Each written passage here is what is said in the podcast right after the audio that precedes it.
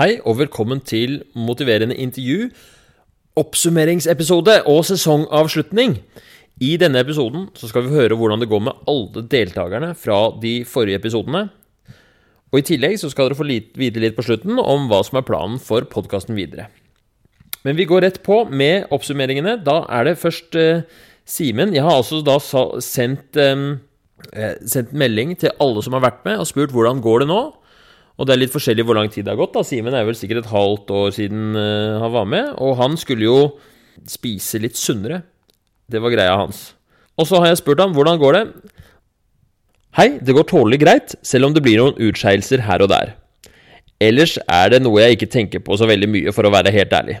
Og han sier også at han endelig er ferdig på skolen og har fått seg en jobb som han trives i, eh, så livet smiler. Så det høres jo bra ut fra Simen. Så i, um, var det en episode til med en som Simen, som, som, mente han var for tynn. Husker dere han? Simen som eh, hadde litt sånn dårlig selvbilde på kroppen sin og sånt nå, og ville trene, begynne å trene. Og han svarer Hei, det går bra med meg. Treningen gikk bra de første månedene. Men så orket jeg faktisk ikke mer. Jeg ble veldig sliten og følte ikke at jeg hadde noen uttelling for det, til tross for operaen i øret, selv om jeg hadde fått det i lengden. Dog har jeg kommet til et punkt hvor jeg har akseptert meg selv for hvordan jeg ser ut. Det måtte faktisk noen til som sa at jeg så bra ut som jeg gjør, for at jeg skulle komme til den beslutningen selv. Noen jeg ser veldig opp til, noen jeg liker veldig godt, og noen jeg er fryktelig glad i. Jeg har ikke lenger det store behovet øh, om å se mer biff ut eller å være mer muskuløs. Jeg blir heller ikke lei meg når jeg ser meg selv i speilet. Jeg ble så glad da jeg fikk den meldingen fra Simen. Han har virkelig Eh, det vil jeg altså Han har kommet seg et steg videre, virker det som. Og mm, ja, nei, det var det beste jeg kunne høre. Så det ble jeg kjempeglad for. Ble ikke det òg at eh, det gikk så bra med Simen? Så var det Vilde. Husker dere Vilde? Hun som mm, hadde en del usikkerhet eh, litt rundt kropp og litt rundt hvordan hun var med andre, og, og følte at hun liksom ikke var helt herre over eget liv, da.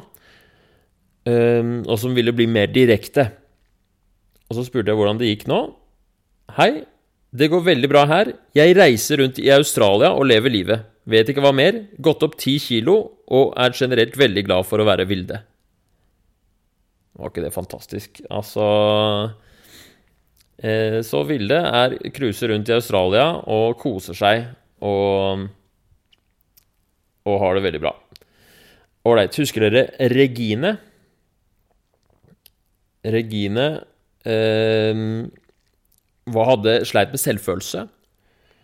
Og vi snakka mye om det, om hva som liksom lå til grunn for hennes selvfølelse, og vi kom fram til at hun ville prøve å motiveres til å gå på Tinder, for det dreide seg liksom om selvfølelse rundt sånn kjærlighet og forhold og sånt noe, da.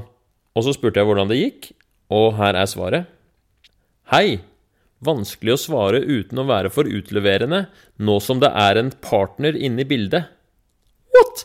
Altså, Regine har fått seg kjæreste. Hun driver og dater en fyr. Og, eh, og så skriver hun videre om jeg skal oppsummere året, så må jeg vel innrømme at Regine før våren og Regine nå ikke hadde kjent hverandre igjen. Jeg har virkelig lent meg frem og testet hva livet har å by på. Jeg har datet litt og hatt både fine og ikke så fine opplevelser. Til tross for noen små midlertidige hjertesorger har jeg lært masse fint og opplevd mye morsomt. Og jeg er sikkert 1000% mer modig nå. I tillegg har jeg funnet ut mer om hvem jeg er og hva jeg vil her i livet, og det viser seg at å være veldig annerledes enn det jeg trodde for et år siden. Oppsummert tipp topp stemning, og selvbildet er mye bedre. Mye. Så her går det unna. Regine også. Um, altså jeg, det merka vi jo alle sammen, i hvert fall jeg gjorde det, og jeg tipper dere som hørte på denne episoden, at hun var i en sånn prosess hvor hun virkelig vokste, da. Og den, den, det lille prosjektet med Tinder og sånt det, det det var så Det tror jeg var så bra. Ok, så er det Anders som ville slutte å snuse. Og jeg spurte hvordan det gikk. Han hadde jo, Etter tre uker så hadde han jo eh, basically slutta å snuse. Men nå får vi høre. Hei, Herman. Det gikk svært bra fram til midten av september. Så ble gutta født. Altså, han har fått tvillinger. Og det var mye nerver og spenning. Han har snust siden. Sommerens bragd viste imidlertid hvor lett det var å slutte helt, så nå må jeg bare sette en ny sluttedato når livet som tvillingfar blir litt roligere. Ok, så den snusen, den sitter i. Så Anders, eh, snuser altså nå. Det er greit. Så var det episoden med Alexander, som har alkoholavhengighet. Husker dere han? Han øhm, hadde jo slutta å drikke, men han sleit en del med det. Han syntes det var problematisk at det hang litt sånn over ham, da, den derre alkoholavhengigheten. Jeg sendte han en melding og spurte hvordan det gikk bra, og han sa hei, fortsatt edru, men bruker sjelden kjedsomhetstaktikken med vilje. Likevel aksepterer jeg mye lettere kjedsomhet etter å ha vært med i programmet, så noe effekt har det hatt. Bevisstgjøringen rundt temaet gjør vel at panikken for å kjede seg er betydelig mindre. Så for de som ikke husker, så hadde han en slags eh, tanke om at kjedsomhet var liksom eh, hans akilleshæl opp, opp, mot alkohol også. Og han ville prøve å være liksom aktivt kjede seg for å kanskje det kunne hjelpe han å være litt mer tilfreds i hverdagen.